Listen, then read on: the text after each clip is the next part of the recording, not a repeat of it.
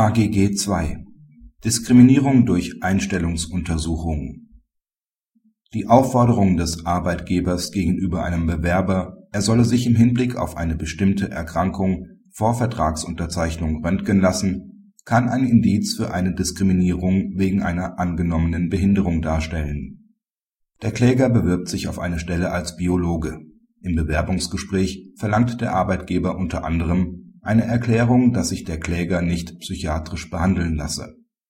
Als Begründung gibt er an, dass der steife Gang des Klägers auf die Erkrankung Morbus Bechterew schließen lasse und mit dieser Wirbelsäulenversteifung häufig Depressionen einhergingen. Aus diesem Grund soll der Kläger vor der Einstellung seinen Wirbelsäulenzustand untersuchen und sich röntgen lassen. Damit ist der Kläger nicht einverstanden. In der Folgezeit teilt ihm der Arbeitgeber mit, dass man von einer Einstellung absehen werde. Daraufhin klagt der Kläger auf Entschädigung, da ihn der Arbeitgeber wegen einer unterstellten Behinderung abgelehnt habe. Anders als die Vorinstanz hält das BAG eine unzulässige Diskriminierung dem Grunde nach für möglich.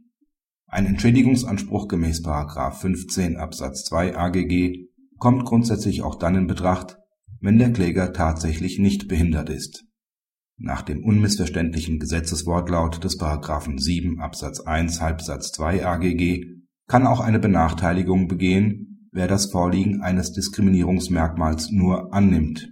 Damit stellt auch der Versuch am untauglichen Objekt eine verbotene Benachteiligung dar. Diese Vorschrift trägt dem Umstand Rechnung, dass Menschen oft bestimmte Eigenschaften oder Verhaltensweisen allein aufgrund ihres äußeren Erscheinungsbildes zugeschrieben werden im Streitfall liegen Indizien vor, die eine Diskriminierung des Klägers wegen einer angenommenen Behinderung vermuten lassen (§ 22 AGG). Aus der Frage nach bestimmten Erkrankungen oder Leiden kann je nach den einzelnen falschen Umständen auch auf eine Erkundigung nach einer Behinderung geschlossen werden. Behindert im diskriminierungsrechtlichen Sinn sind Menschen, wenn ihre körperliche Funktion, geistige Fähigkeit oder seelische Gesundheit mit hoher Wahrscheinlichkeit länger als sechs Monate von dem für das Lebensalter typischen Zustand abweicht und daher ihre Teilhabe am Leben und in der Gesellschaft beeinträchtigt ist. Vorliegend kann der Arbeitgeber die Vermutung nach einer ganz bestimmten Beeinträchtigung kaum ohne medizinisches Vorverständnis um die Tragweite des Leidens geäußert haben. Das LAG selbst geht davon aus, dass diese Erkrankung zu Depressionen führen und ab einem bestimmten Stadium den Grad einer Behinderung erreichen kann. Durch die Aufforderung, sich vor der Einstellung entsprechend untersuchen zu lassen, hat der Arbeitgeber deutlich gemacht, dass für ihn das mögliche Stadium der Krankheit bzw. Behinderung eine große Rolle gespielt hat und die Einstellungsentscheidung letztlich davon abhängig war. Es ist zwar richtig, dass ein Arbeitgeber die gesundheitliche Eignung des Bewerbers für die in Aussicht genommene Tätigkeit näher erfragen kann ein Bezug zwischen der dem Kläger unterstellten Erkrankung und seinen möglichen Aufgaben hat der Arbeitgeber jedoch nicht aufgezeigt und auch nicht gegenüber dem Kläger im Bewerbungsverfahren geäußert.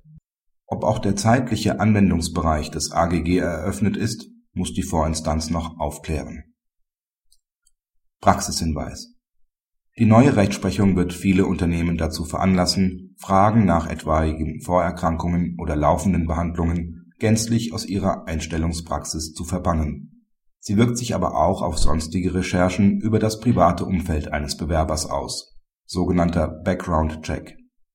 Arbeitgeber können leicht in den Verdacht geraten, mit einer solchen Recherche nach bestimmten Glaubensorientierungen, sexuellen Vorlieben oder der ethischen Herkunft eines Bewerbers zu suchen.